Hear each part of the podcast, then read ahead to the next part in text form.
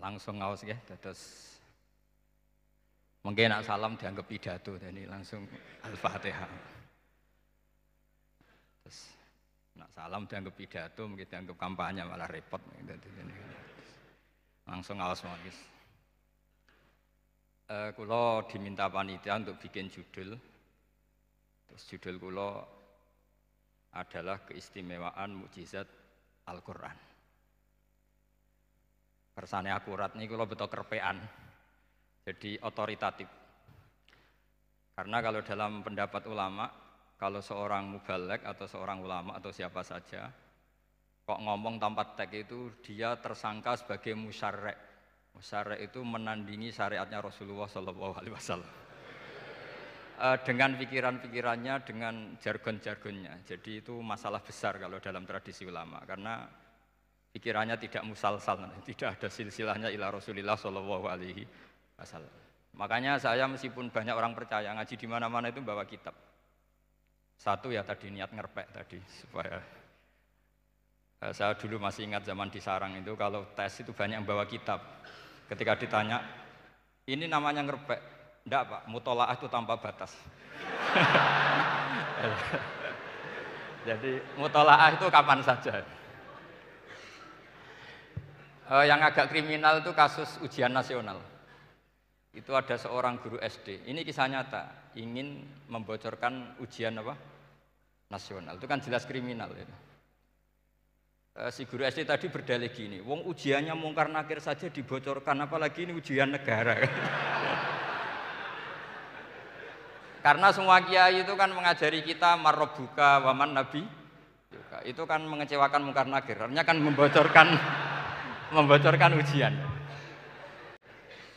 Singkat cerita Kiai tadi itu guru tadi kalau nggak percaya tanya Gus Bah. Akhirnya rombongan guru SD tanya ke saya, apa betul Gus ujian boleh dibocorkan?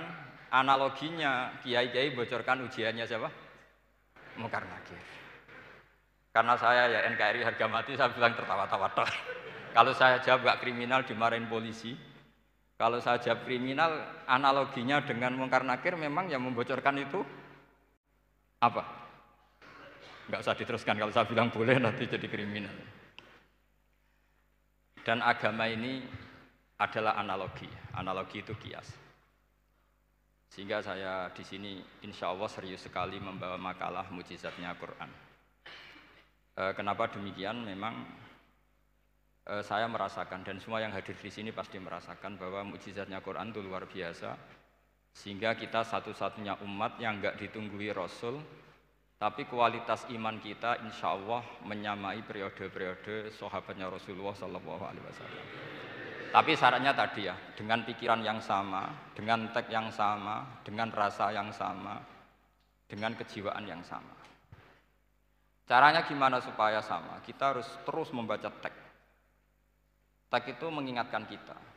Misalnya begini, yang dikatakan mukjizat itu kan sesuatu dahsyat yang dalam nalar manusia itu nggak mungkin terjadi. Misalnya ontanya Nabi Soleh keluar dari batu besar itu kan satu peristiwa yang akal manusia tidak sampai. Begitu juga tongkatnya Nabi Musa membelah Laut Merah yang akal manusia itu tidak sampai. Eh, tapi pikiran itu menurut mazhab kita, kita-kita yang waras ini, saya ulang lagi kita-kita yang waras itu. Itu pikiran kriminal, itu salah. Saya ulang lagi ya. Kita semua kan umatnya Rasulullah Shallallahu Alaihi Wasallam. Semoga benar-benar umatnya Nabi, bukan Islam yang kumat. Karena orang Islam itu pilihannya hanya dua. Kalau nggak bersatu semat Islam ya Islam yang kumat. Kumat itu agak gitu, namanya kumat dalam bahasa Jawa. Begini, saya ulang lagi ya. Yang dikatakan mukjizat itu amrun khorikun lil adat. Sesuatu yang luar biasa, kemudian dalam tanda kutip yang manusia itu tidak mampu. Sehingga itu dikatakan mukjizat seperti tongkat apa? Tongkatnya Nabi Musa dan untanya Nabi Nuh yang keluar dari batu apa? Besar. Kalau kalian ingin jadi wali, pikiran seperti itu udah akan jadi wali. Gagal itu di KPU gagal. Itu. Jadi nggak usah sampai MK di KPU sudah gagal. Itu. Eh, kenapa demikian? Pertanyaannya begini. Memangnya sesuatu yang wajar kita lihat keseharian itu dalam kemampuan manusia. Saya ulang lagi, memangnya sesuatu yang biasa saja, yang normal saja itu dalam kemampuan manusia? Enggak juga kan. Manusia bisa enggak bikin unta? Yang wajar saja, yang lewat indukan. Bisa enggak? Enggak kan? Manusia bisa bikin laut enggak? Enggak kan? Jadi kalau mukjizat itu dengan definisi sesuatu yang manusia tidak mampu, memangnya keseharian alam ini manusia mampu? Enggak juga kan? Karena agama Islam dengan logika itu Rasulullah Shallallahu Alaihi Wasallam menolak mukjizat yang seperti itu, ya menolak mukjizat yang seperti itu. Makanya saya bilang pikiran pertama tadi itu kriminal karena itu ditolak oleh Rasulullah Shallallahu Alaihi Wasallam. Karena ya itu tadi, kalau itu dituruti, lama-lama kita tidak tahu kedahsatan ciptaan Allah keseharian. Makanya ketika Rasulullah diminta laula utia mislama utia Musa, mbok ya Muhammad itu punya mukjizat kayak tongkat Nabi Musa. Ka kasolihin Nuh, kasolihi soleh. Apa karena koti apa? Soleh. Sebagaimana untanya Nabi Soleh. Apa jawabnya Allah? Wa ma min dabatin fil ardi wala ta'iri yatiru bijanahihi illa umamun amsalukum. Sebagian dijawab inna fi khalqis samawati wal ardi wa ikhtilafil laili wan nahar sampai saat terusnya wa tasrifir riyah saat terusnya la ayatil liqaumi yaqilun. Karena logika yang terbangun begini. Dan ini saya ulang lagi ini syarat utama jadi wali. Ini masih satu poin. Nanti ACC-nya nunggu ketua-ketuanya.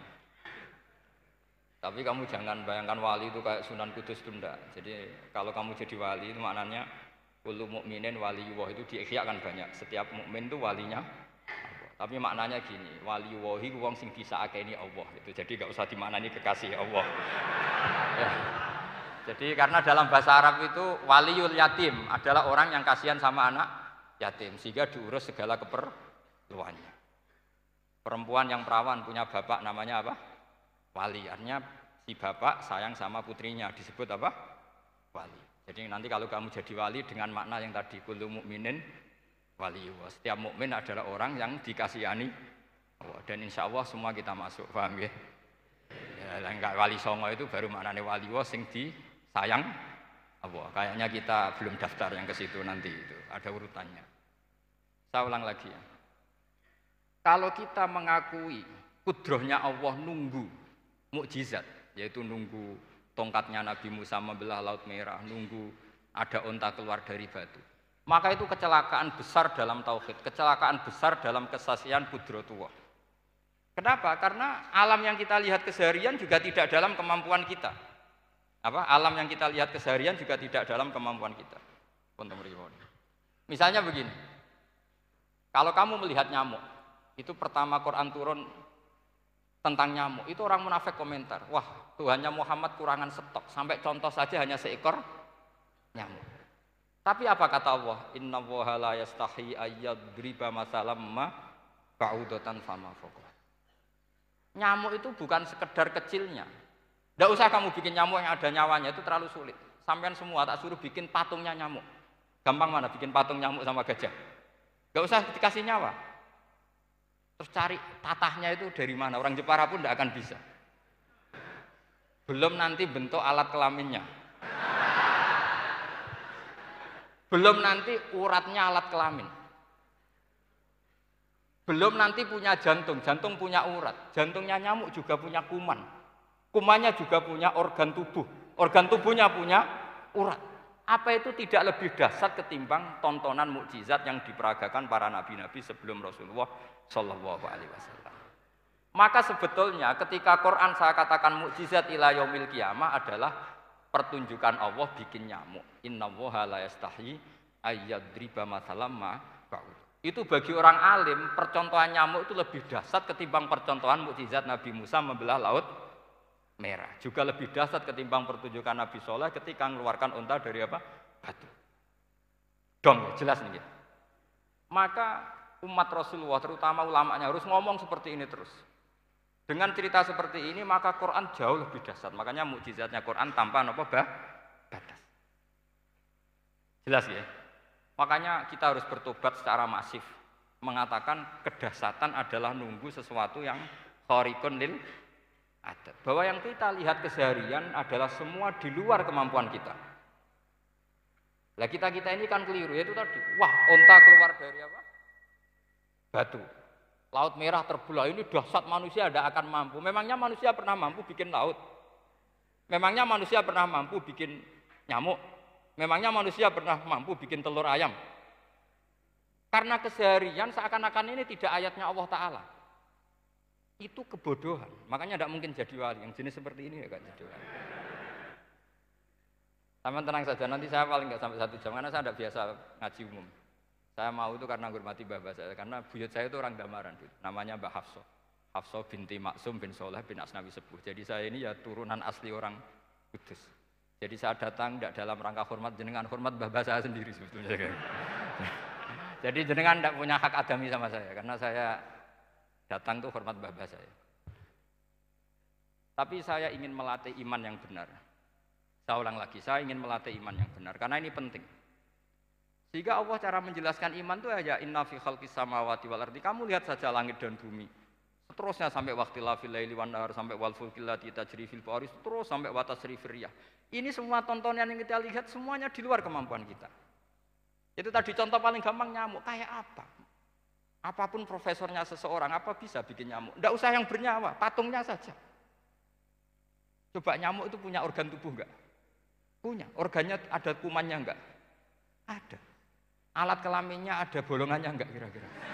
Ada. Kayak apa sulitnya? Jadi andikan saya ke umatnya Nabi Musa terus bengkai lah sama Nabi Musa. Ini gue, Nabi Musa keren, punya tongkat. Saya akan bilang Rasulullah lebih keren karena punya Anda di sini makna kenapa mukjizatnya Quran dikatakan afdolul mukjizat, mukjizat paling keren, paling hebat. Karena menjadikan manusia punya nalar yang lebih objektif. Artinya lebih objektif, kenapa kita hanya kagum dengan sesuatu yang dasar? Dengan alasan kita tidak mampu. Memangnya dengan hal-hal yang keseharian kita mampu? Tidak juga kan? Jelas ya? Mohon bener nih ya. Mohon bener di mana ini? Pun gini malam selai didandani bareng-bareng. Pun bener ya. Sehingga iman di era Rasulullah Shallallahu Alaihi Wasallam itu gak lagi butuh sesuatu sing khorikun lil. Kedua pertimbangannya Rasulullah Muhammad Shallallahu Alaihi Wasallam. Mukjizat yang khorikun lil adat itu resikonya lebih tinggi untuk tidak abadi. Nanti saya bacakan takbirnya. Misalnya tongkatnya Nabi Musa, itu hanya disaksikan oleh orang yang di era itu. Itu pun yang kebetulan menyaksikan. Saya ulang lagi ya. Resiko mukjizat mahsusah istilahnya, mukjizat yang bisa dilihat dengan indera, itu resikonya hanya dilihat orang yang di saat itu menyaksikan. Gimana? Ini prosedur. Agak gaul nih. Nggak peci. Terus gimana? Oke. Okay.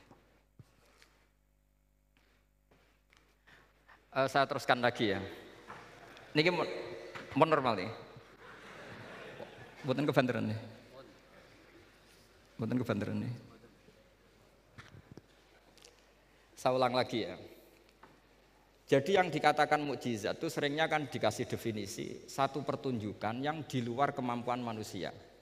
Sehingga tongkat Nabi Musa membelat laut merah disebut apa? Mukjizat. Ontanya Nabi Soleh keluar dari batu disebut apa? Terus lucunya disebut alasannya karena manusia tidak mampu. Memangnya manusia mampu bikin unta normal yang lewat indukan? Mampu enggak? Artinya umatnya Rasulullah lebih sering melihat kekuatan Allah Subhanahu wa taala kulla waktin wahinin setiap saat karena cara berpikir sudah dibenahi Al-Qur'anul Karim. Paham ya? Maka untuk jadi wali umatnya Nabi itu lebih mungkin karena melihat kedahsatan Allah setiap saat. Tidak usah nunggu sesuatu yang super kayak apa? Kan filakil bahri sebagaimana laut terbelah oleh tongkatnya Nabi siapa? Musa. Terus ketiga, kalau logika mukjizat gini itu terus menerus seperti yang dialami Nabi Musa, resikonya adalah umat selalu menuntut hal yang aneh-aneh dan melupakan hal yang pokok. Itu lebih bahaya lagi. Misalnya begini contoh gampang. Kita ini hidup di bumi setelah sampai belajar ilmu falak atau astronomi atau belajar geologi. Planet yang sebesar ini apa? Semuanya itu sudah maha dasar. Gara-gara kita berpikir butuh kejadian yang aneh. Ya gara-gara ingin kejadian yang aneh. Mungkin lama-lama Anda ingin cari model hewan yang kepalanya itu di pantat baru percaya kudrohnya Allah. Lama-lama kamu jadi dukun. Seneng ular yang berkepala manusia itu baru dasar. Nanti nanti menjadi klenik. Makanya kritiknya ya kritiknya ulama, kritiknya ulama. Mukjizat itu tidak perlu dituruti. Karena kalau dituruti itu bahaya bagi kelangsungan kenormalan kita. Makanya kata Abdul Hamid Khan termasuk kitab yang saya kagumi. Kata beliau begini. Yang menjadikan orang kafir adalah dia nganggep kudrohnya Allah Ta'ala itu bergantung sesuatu yang dasar. Dia nggak sadar bahwa keseharian dalam hidupnya semuanya pertunjukan kudrohnya Allah Subhanahu wa taala. Kayak tadi, saya contohkan nyamuk tadi. Inna woha la yastahi ayyadriba masalam ma. Terus terusannya ba'udotan fama Kayak apa susahnya bikin nyamuk? Sudah kecil, punya alat kelamin, punya organ, punya urat. Lalu dalam tubuhnya juga ada kuman, kumannya juga berorgan. Kebayang nggak Anda bikin seperti itu? Enggak. Dasat mana dengan tongkatnya Nabi Musa? Sama-sama berstatus kita tidak mampu sama sekali. Dasat mana? Sama kan? Nah, itu yang diinginkan Rasulullah Shallallahu Alaihi Wasallam dan Al Quran menggiring kita cara berpikir begitu terus. Sehingga Quran cukup menghentikan wama minta batin fil ardi wala iri yatiru bijana haihi illa umamun amsalukum. Sebetulnya burung yang setiap hari terbang, yang setiap hari lewat Anda, itu semuanya bukti kekuasaan Allah Subhanahu wa taala. Tidak usah nunggu kejadian-kejadian super dah. Terus keempat, korbannya para kiai, termasuk saya. Jadi nanti kalau saya tidak bisa haji terbang, wah tidak kiai, tidak bisa terbang. Tidak bisa kayak Harry and Potter misalnya gitu, tidak bisa kayak Harry. Jadi nanti kiai juga dituntut gitu. Bisa terbang kayak Aladin, jadi nanti repot. Semua kebenaran agama bergantung pimpinannya ini punya kedasatan-kedasatan itu. Akhirnya celakanya apa? Ada orang yang pura-pura dasar tapi penipu, kayak kasusnya Dimas Kanjeng. Oh nggih. Mboten apa-apa, sing lancar.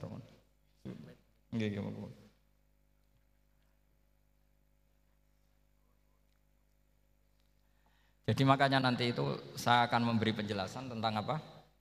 Mukjizatnya Al-Qur'an kenapa disebut mukjizat paling apa dah dasar.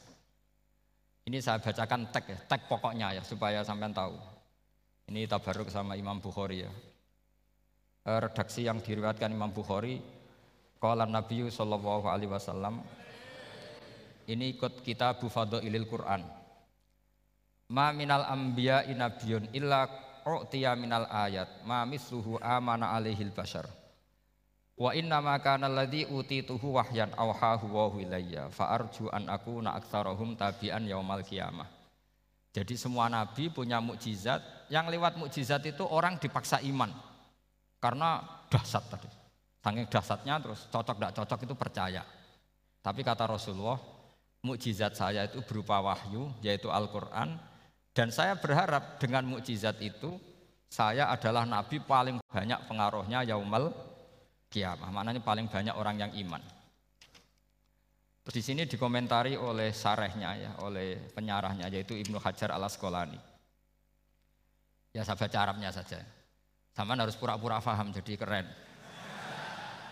Jangan jangan minta saya terjemah nanti harus pura-pura paham. Bagus kok, mantas sabah komen bahwa apa? Minhum. Jadi bergaya orang kaya ya dikira apa? Kaya. Bergaya ulama ya dikira apa? Ulama. Nanti bergaya wali juga dikira wali. Eh, saya baca ya, ini luar biasa menurut saya. Al makna annal mu'jizati al madiyata kanat khisyatan tusyahadu bil absor kana koti soleh wa aso Musa. Wa mu'jizatul Qur'ani tusyahadu bil basirah. Jadi kayak tadi, kedasatan tongkat Musa itu karena apa? Laut kok bisa dibelah se sebuah tongkat? Itu aneh. Kalau maknanya aneh adalah di luar kemampuan manusia, nyamuk lebih aneh. Kayak apa susahnya bikin organ apa? Nyamuk yang sekecil itu. Artinya bedanya apa? Tongkatnya Nabi Musa dengan pertunjukan nyamuk yang sama-sama mengarah satu titik yaitu mengakui absolutisme kudrohnya Allah Subhanahu sama ndak? Sama. Sehingga umatnya Rasulullah tidak perlu ditunggoni mukjizat sim salah bim. Cukup penalaran akal. Ini namanya basiroh apa? Basiroh. Nggak jelas ya? Mohon sampean ra usah roh Nabi Musa tuh. Cekap melihat apa? Nyamuk. Ya sudah sudah bagus sudah sudah. Sudah maju sudah sudah sudah keren. Ya jelas ya. Li'anna alladhi yushahadu bi'aini ra'si yang qoridu di musyahidihi. Walladhi yushahadu bi'ainil akli bakin yushahiduhu kullu man ja'a ba'dal awali mustamirron. Sesuatu yang di pertontonkan lewat sesuatu yang fisik kayak tongkat Nabi Musa, itu yang percaya langsung tentu yang melihat. Setelah itu ada yang percaya, ada yang enggak. Bisa saja itu hoax, bisa saja macam-macam. Tentu yang enggak percaya tentu salah ya kita sepakat. Tapi tetap saja yang enggak menyaksikan itu bisa saja enggak percaya. Paham ya? Tapi logika kedasatan nyamuk siapa pun yang punya nalar percaya. Artinya giringan Al-Quran untuk melihat mukjizat itu kedasatan Allah bikin nyamuk itu abadi ila yaumil kiamah. Dan siapa pun yang waras akan ekor dan tetap menyaksikan. Karena insya Allah ada nyamuk terus ila yaumil kiamah. Itu kan teman tidur kita, paham? Makanya kamu kompromi dengan nyamuk. Sekali-kali jangan dicaplek. Ini ayatnya Allah. ya bila perlu dicium, dilus-lus gitu. Karena saya yakin yang hadir di sini andekan melihat tongkatnya Nabi Musa kira-kira dilus-lus enggak? Kira-kira? Andekan loh, kamu punya kesempatan melihat tongkatnya Nabi Musa, gimana? Dilus-lus, dikai mori, dikai kembang tujuh taman, ya gitu. Tapi kenapa nyamuk enggak kamu begitukan? Toh sama-sama ini ayatnya Allah yang luar Makanya ini ngaji di sini saya ulang lagi, sama ndak perlu merasa punya hak adami sama saya karena saya memang buyut saya kandung itu orang gambaran namanya Mbah Hafsah. Hafsah itu binti Maksum bin Soleh bin Asnawi Sepuh. Jadi saya ini e, termasuk turunan beliau yang keluar dari Kudus di Rembang. Karena Mbah saya kandung itu sepupunya Mbah Sahal ya sama Mbah Sahal ibunya Badiah. Badiah ya putrinya Mbah Hafsah ini. Kalau saya namanya Sofiah ya putrinya Mbah Hafsah ini. Jadi kenapa saya cerita ini ya memang Quran sudah terang-terangan ngendikan dzurriyatam ba'duhan apa mimbat. Jadi kekuatan dzurriyah itu luar biasa. Jadi eh, kita menjaga harkat dan martabat para leluhur supaya ilmu ini terjaga. Jangan marisi gaya tok, bayi alim terus putune pedita pedidi gak alim terus gak keren menurut saya itu malu itu. Jadi marisi itu ya kalau putunya orang alim ya alimnya, jangan marisi mulyane. Enggak alim terus mulia tok, gelem dicucup itu gak keren menurut saya. Niru alimnya dulu baru sama-sama dicucup itu baru betul paham ya. Jadi ada aturannya. Saya teruskan. Sehingga Quran kalau menggiring mukjizat, ketika Rasulullah Shallallahu Alaihi Wasallam dituntut kafir Mekah, kita tahu kan mereka nuntut apa misalnya? Lan nu'minalaka hatta tafjuru lana minal ardi napa yam bu'a au takuna laka jannatum min nakhili wa inabin fatufajjirul anharu khilalaha napa tafsiro. Autus kita sama akama zam ta'alina kisafan. Au ta'tiya billahi wal malaikati qabila au yakuna laka baitum min suhrufin au tarqa sama masih mereka bilang gini walan nu'mina liruqiyika hatta tunzila alaina kitaban naqra'u. Mereka nuntut tuh Muhammad saya percaya kamu rasul tapi syaratnya Mekah yang tandus sulap jadi kota yang subur makmur menjadi jannat subur makmur. Atau begini saja Muhammad kalau kamu gelo sama saya mangkel karena kita ada iman turunkan saja adab. Kisah minas sama, turunkan saja adab. Atau begini Muhammad, kamu kan bilang utusan Allah. Kamu datang saja bersama Allah digandeng gitu. Digandeng, terus sama Allah diangkat tangan kamu, dimaklumatkan kalau kamu rasulnya. Auta billahi wal malaikati qabila. Karena mereka dengan logika yang salah. Yang dikatakan mukjizat itu sesuatu yang seperti itu. Artinya kalau kamu berpikir mujizat yang seperti itu, berarti Anda turunan kafir Quraisy. Anda turunan apa? Kafir Quraisy. Maka nggak boleh berpikir mujizat seperti itu. Nyatanya Allah cukup menjawab dengan ayat wa ma min dabatin fil ardi wala ta'iri yatiru bi illa umamun amsalukum. Dijawab lagi inna fi khalqis samawati wal ardi wa ikhtilafil laili wan nahar wal fulkil lati tajri fil bahr sak teruse la ayatil liqaumi yakin. Semudah itu kita iman kedahsatan kudrohnya Allah. Cukup melihat kerbau. Kok bisa ya jaga populasinya? Padahal tidak pernah dia seminar cara jaga populasi. Nyatanya tetap terjaga. Tanpa lamaran ya bisa jaga keturunannya. Tanpa sesar ya anaknya lancar. Tanpa sesar kan? Artinya mereka bisa. Karena di sini ada kudrotullah. Ada apa? Ada kudrotullah. Nah kalau iman seperti itu, Anda baru betul. Yaitu yang disebut Allah, ya tanazzalul amru bainahunna li ta'lamu annallaha ala kulli syai'in qadir wa annallaha qad ahata bi kulli syai'in ilma. Semua urusan di alam raya ini hanya Allah ingin mempertontonkan bahwa saya kuasa. Jadi tidak perlu nunggu yang aneh-aneh. Sehingga andekan saya ketemu Nabi Musa dan ketemu Rasulullah Muhammad Shallallahu Alaihi Wasallam, pasti saya milih Nabi Muhammad sebagai ketua. Karena Nabi Muhammad yang bikin sarana iman dengan sarana yang seluas-luasnya dan sarana ini tidak habis dan ada di mana saja yaitu sarana ekor bahwa Allah kudroh dan kudrohnya tanpa batas. Nabi bikin sarana apa saja melihat langit, bumi, lautan, nyamuk, hewan semuanya sarana untuk ekor kudrohnya Allah Subhanahu wa taala. Sementara Nabi Musa mempertontonkan hanya nunggu mukjizat sing khorikun lil adat. Paham ya? Makanya wajar kalau Nabi bergelar Afdolul Ambiya Sayyidul Awalin wal Akhirin. Karena memang lebih efektif cara menggiring supaya orang iman. Sekarang sudah tahu kenapa Nabi jadi Sayyidul Awalin wal Akhirin. Sudah? Mungkin kemarin-kemarin tahu, tapi gak tahu logikanya. Pokok iman. Selewat ke musola, ngaji iman.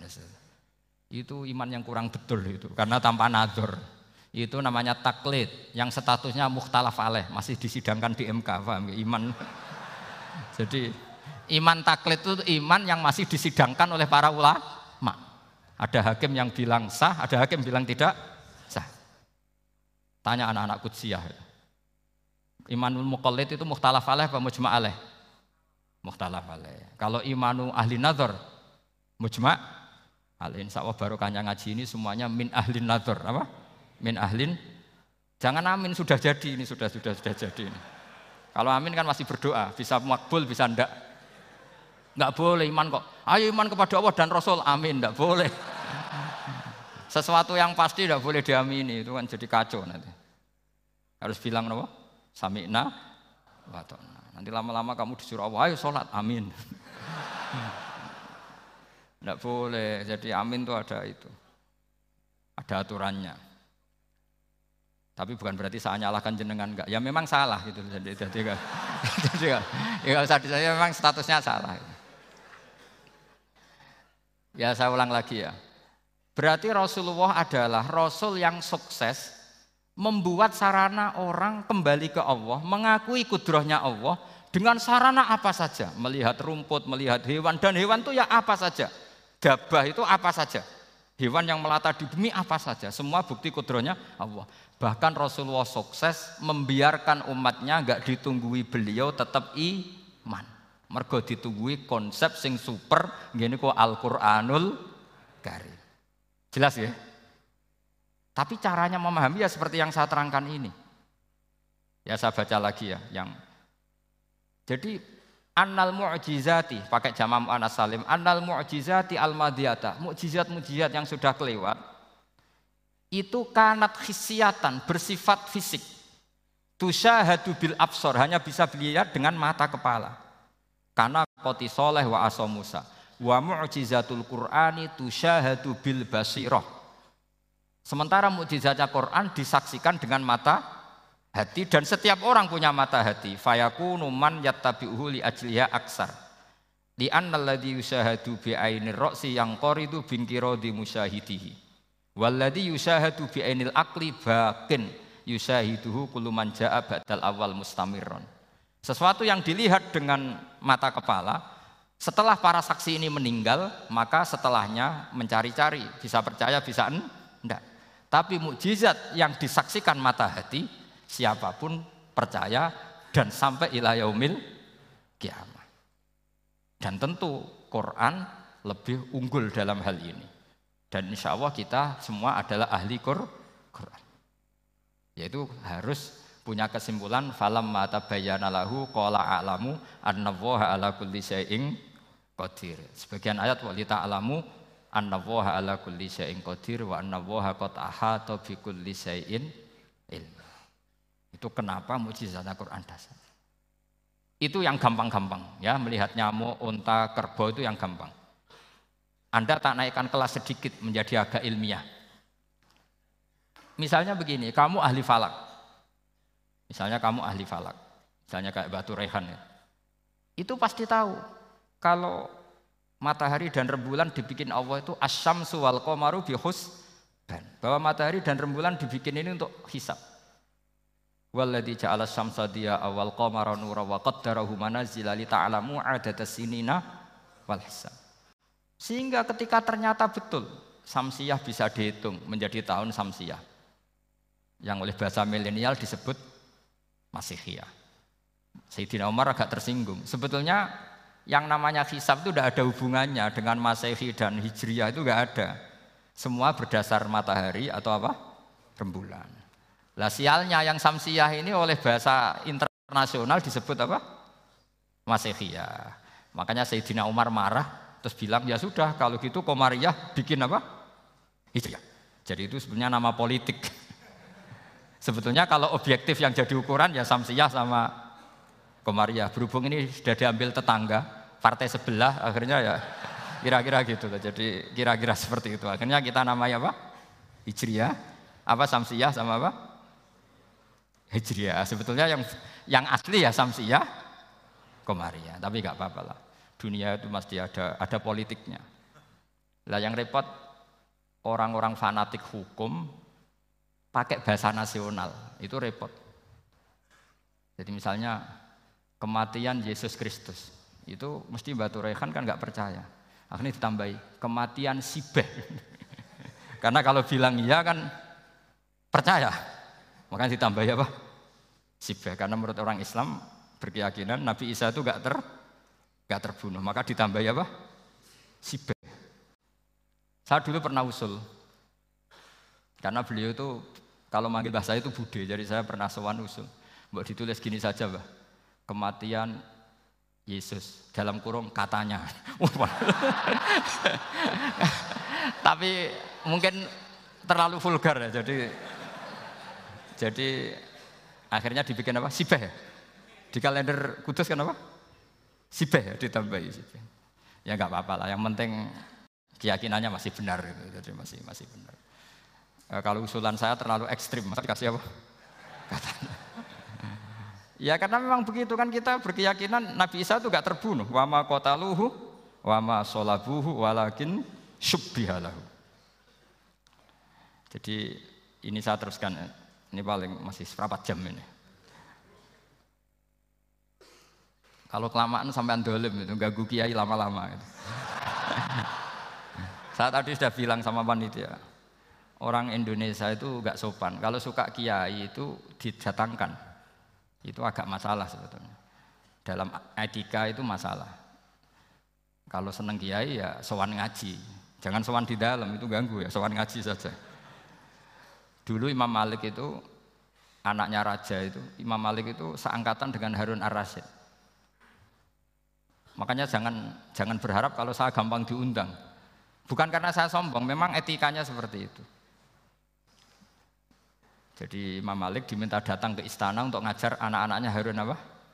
Ar-Rasyid. Masyur Imam Malik tersinggung terus kata bilang, al ilmu yuk talayati. Ilmu itu disowani bukan sowan. Akhirnya Harun Ar-Rasyid minta anak-anaknya datang ngaji ke Imam Malik. Itu anak presiden. Imam Malik berani. Al ilmu yuk talayati. Tapi kalian beruntung karena saya hormat sama mbah saya di sini. Wong makom buyut saya itu ya berarti apa ya? Ke selatannya makamnya saya Ja'far Sodik itu, itu di situ kan ada makamnya Mbah Soleh, Mbah Maksum itu mbah mbah saya. Nah, makanya dulu saya ngaji di sini lama di Damaran itu, maksudnya lama itu ya Ya mungkin setahun. Karena saya memang mulai kecil di sarang, sampai sekarang saya masih ngajar di sarang. Eh, tapi dulu cukup ya, karena saya ke sini sudah hafal Quran, jadi hanya setor setiap hari satu juz, satu juz, jadi cepat lah. Saya tidak punya masalah ingatan, alhamdulillah, jadi cepat, cepat, cepat hafal. Saya terangkan lagi ya, ini penting ya, masalah mukjizatnya Quran. Selama ini orang tuh mau bilang tok, mukjizatnya Quran itu dasar, dasar, tapi nggak bisa menerangkan. Itu masalah. Makanya kita harus bisa menerangkan mukjizatnya Al-Quran dasar itu apanya. Yaitu tadi, tongkatnya Nabi Musa hanya disaksikan oleh orang yang di era itu. Toh tujuannya mukjizat adalah diakui kemudian orang menjadi iman. Lalu Rasulullah Shallallahu Alaihi Wasallam beliau sudah intakola ila rofiqil a'la.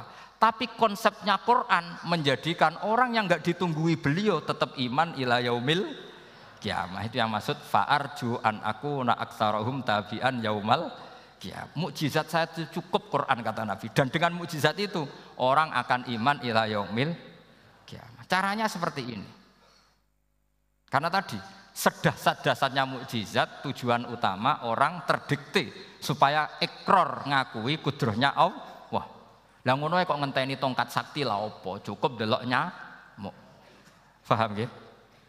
Jelas ya? Alhamdulillah mau naik kelas ini sudah benar ini sudah benar. Terus kedua begini, kedasatan Quran lagi. Quran itu bisa merunut, mentartibkan logika. Bahkan logika ini logika yang universal. Siapa saja merasakan logika itu. Misalnya begini, dulu orang kafir itu punya Tuhan banyak. Tentu yang dipertuhankan ya? Yang dipertuhankan itu banyak. Karena pikiran mereka urusan banyak, problem banyak, ya Tuhannya harus banyak. Ada BPKB 3D kan, istri cerewet, macam-macam lah itu kan. Problemnya banyak, maka Tuhannya harus banyak. Karena Tuhan itu maknanya penyelesai masalah. Sehingga kalau masalahnya banyak, Tuhan harus banyak. Ketika Rasulullah membawa konsep satu Tuhan, mereka janggal. Makanya mereka bilang, Aja'alal alihata ilaha wahida inna hadala syai'un ujab. Masa Tuhan satu? Ini aneh, nggak bisa. Tuhan harus banyak, karena masalah kita banyak. Itu terpatri, di otak mereka terpatri. Lalu Nabi dengan santai diajari Allah menerangkan. Andaikan kalian punya majikan banyak dan perintahnya beda-beda, kamu suka enggak? Ya enggak suka, mat, enggak enak. Punya majikan banyak itu udah enak. Milih mana majikan banyak sama satu? Satu aja, mat. Tuhan kamu adalah majikan kamu. Kalau banyak kamu bingung. Ya mat satu aja, satu aja. Itu segampang itu. Jadi menggiring Tuhan itu kan bos kita, tuan kita. Kalau banyak berarti yang memerintah kita banyak dan bisa konflik bos-bos kita ini karena berebut anak buah tadi.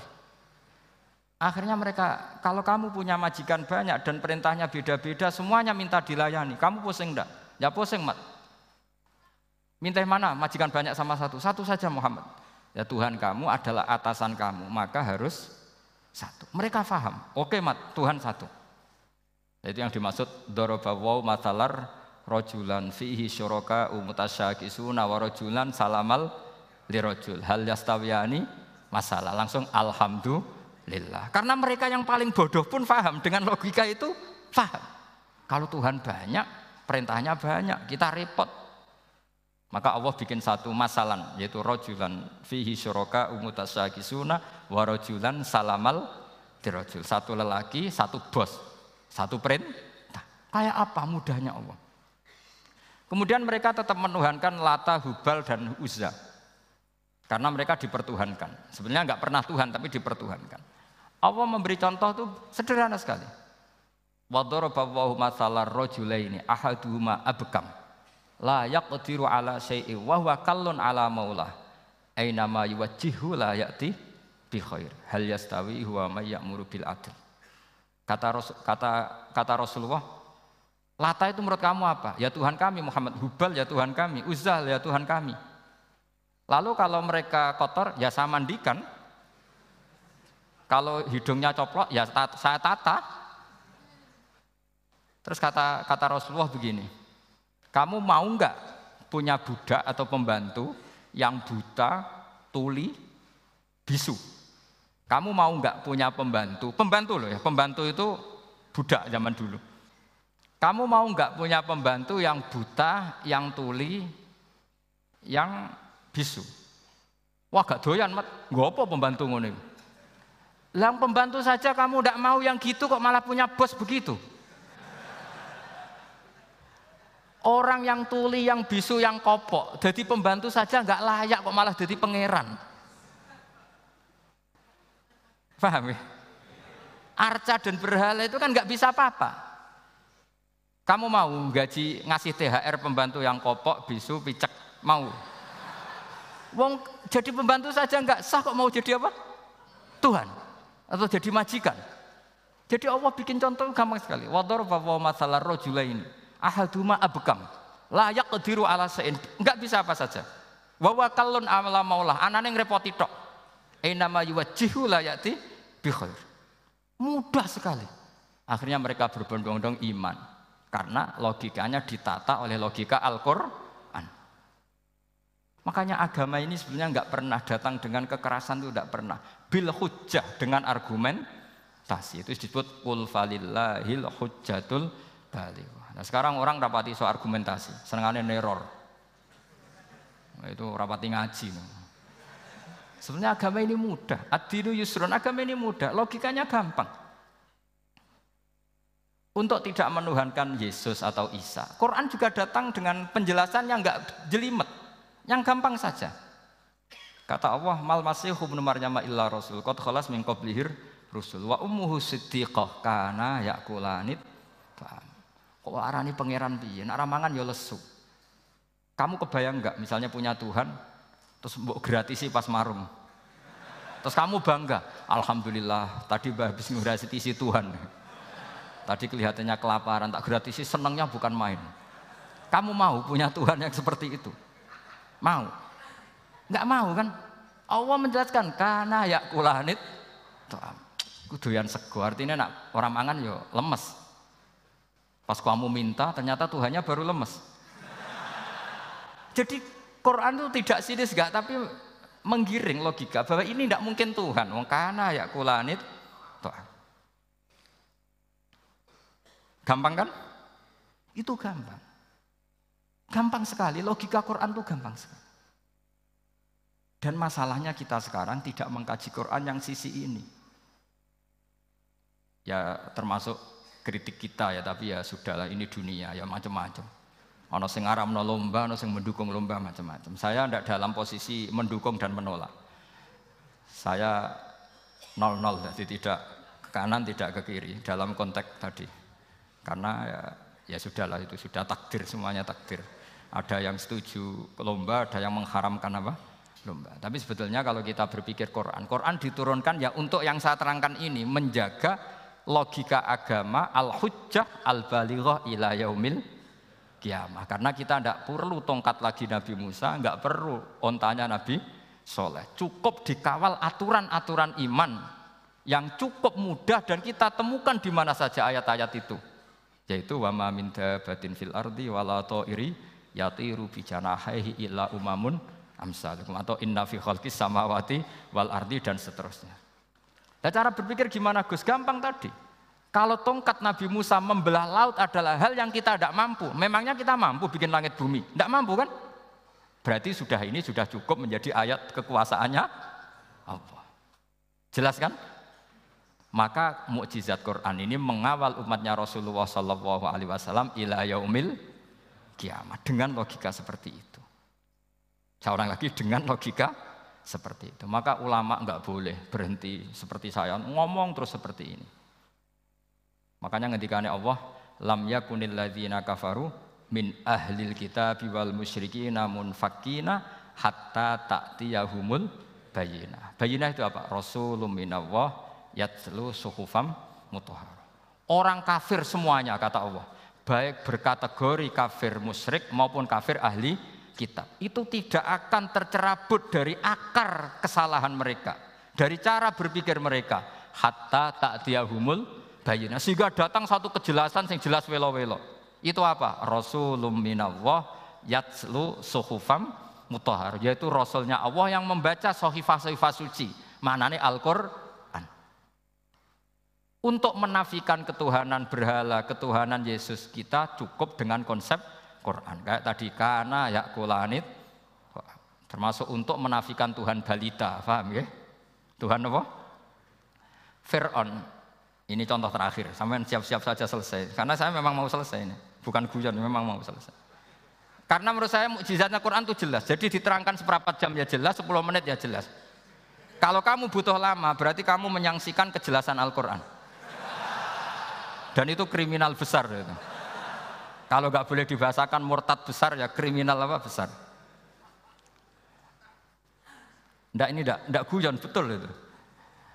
Saya tadi mau nyontohkan apa tadi? Tuhan balita ya. Fir'aun itu berdebat sama Nabi Musa. Singkat debat begini. Kalau nggak salah di J19, kalau nggak salah di surat So'arot. Dicari sendirilah. Pertama ditanya gini, Musa kamu ke sini ada apa? Ya bawa konsep Tuhan. Yang jelas itu tidak kamu. Ya. Lalu Tuhan kamu siapa? Robus samawati wal ardi, yang menuhani langit dan bumi. E, si Fir'aun masih berkelit. Begini, soal yang di bumi, saya jalan-jalan ke mana-mana setahu saya yang jadi Tuhan saya. Ma'alim tulakum min ilahin apa? Ghairi, di mana-mana yang dituhankan saya. Soal kemungkinan di langit begini, tunggu saya. Terus di Haman dipanggil. Ya Haman ibnili sorkalla ali abluhul asbab asbab as-samawati fa'attali'a ila ilahi Musa. Haman, bikinkan saya piramida yang tinggi. Saya mau lihat Tuhannya Musa, apa betul ada? Padahal andikan terjadi piramida kan Tuhan pun nggak bisa dilihat. Wong sampean yang wali saja tidak bisa melihat. Wali tadi yang sing disakeni Allah tadi itu aja nggak bisa melihat. Apalagi Fir'aun. Akhirnya Nabi Musa sadar bahwa logika itu tidak masuk ke, ke Fir'aun tidak masuk. Padahal ada pengawalnya banyak. Dan karena semua Nabi Fatona itu ibarat mobil ganti gigi. Ganti gigi, ganti argumentasi. Gini saja, yang menuhani leluhur kamu, mbah-mbah kamu. Wah, itu sontak kaget Fir'aun. Pengawalnya ya kaget. Oh iya, kalau Fir'aun ini Tuhan, babanya tanpa Tuhan. Kan Tuhannya datang terlambat. Berarti babanya dulu itu tanpa Tuhan, karena ini ada Tuhan balita itu ada itu. Akhirnya hampir separuh, mungkin hampir semua. Pengawalnya Fir'aun itu iman semua. Meskipun yaktumu imana. Ini yang diceritakan Quran. Wa qala rajulun mu'minun min ali fir'auna yaktumu iman. Karena runtuh, semua logika Fir'aun sebagai Tuhan itu runtuh. Hanya dengan logika, kalau kamu Tuhan, lalu babah kamu Tuhannya siapa? Fir'aun mangkel. Wah bahaya logika Musa, tangkap Musa, udah gak debat lagi. Kayak apa mudahnya logika Quran untuk menafikan ketidaktuhanan Fir'aun. Yaitu mengatakan Robbukum wa Robbu abaikumul awal. Karena dikatakan Tuhan langit, Fir'aun masih berkelit. Nanti dulu, saya mau bikin piramida. Mau saya lihat ada enggak Tuhan kamu. Nabi Musa langsung ganti tadi, ganti gigi. Yang nuhani mbah-mbah kamu. Orang kan pikir, ini kalau Tuhan betul. Lalu orang-orang dulu Tuhannya siapa? Kan Tuhannya datang terlambat. Nah itu lagi-lagi. Dan kita baca Quran itu ila yaumil kiamah. Makanya tidak ada umatnya Rasulullah SAW kemudian imannya itu ada syak, nggak ada sama sekali. Karena dzalikal kitabu la raiba fihi mir rabbil alam. Ya, mohon cekap ya. Mpun gampang nih. Masalah sama kalau masalah. Jadi karena kebenaran Quran itu adhar wa adhar sangat jelas. Sehingga nggak perlu butuh orasinya saya. Sebenarnya nggak perlu. Saya yakin, sampean sebelum saya terangkan ya sudah iman, sudah betul. Ini kan akal-akalan saja saya di, dimanfaatkan. Karena ya menurut saya itu ya ya sudah eh, adharu min samsi kalau dalam bahasa Arab. Kebenaran sejati itu lebih jelas ketimbang matahari di siang hari. Karena ya tadi logika. Ya saya tambah satu contoh lagi, semoga ini selesai betul. Kemudian Quran misalnya gini, sampai tak bedai. Kamu bisa melihat itu karena apa? Ini misalnya apa? Kertas yang bawa, saya bawa ini kan kuning. Kamu bisa melihat itu karena apa? Mata kan? Nah itu masalah. Karena karena melihat kamu dengan mata, sekali ini tak tutupi, kamu tidak tahu. Atau kamu jauh menjadi tidak tahu. Karena mata bisa terhalangi oleh jauh atau tertutupi. Beda dengan Allah.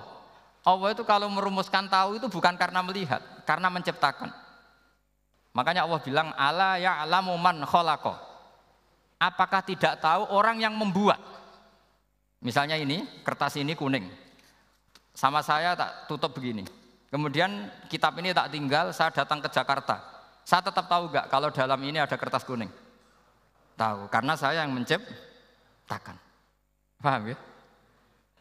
Kamu bangun satu bangunan, di dalamnya ada besi ukuran sekian. Di situ kamu menyimpan emas setengah kilo. Setelah kamu pergi ke mana-mana masih tahu nggak? Tahu, karena kamu yang menciptakan. Sehingga ketika kita janggal, masa Allah perso semua alam ini? Logikanya gampang, masa yang bikin tidak tahu. Makanya Allah bilang ala ya'lamu man khalaqa. Paham ya? Jadi gampang sekali. Mujizatnya Quran tuh gampang sekali. Nararo kebangetan gitu. Pun nggih Al-Fatihah. Bismillahirrahmanirrahim. Alhamdulillahirabbil alamin arrahmanir rahim. Ya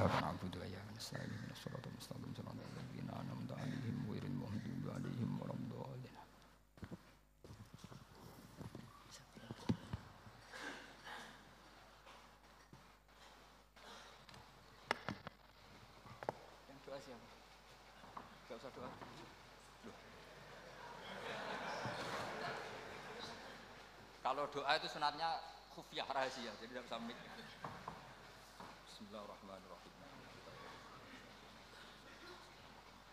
Wala alihi wa sahbihi wa baraka sallam. Wa ma ja'alna mutahabina fika mutanasina mutanasina fika mutabaina. Waj'alna ya Allah ma yaqumu bi hadha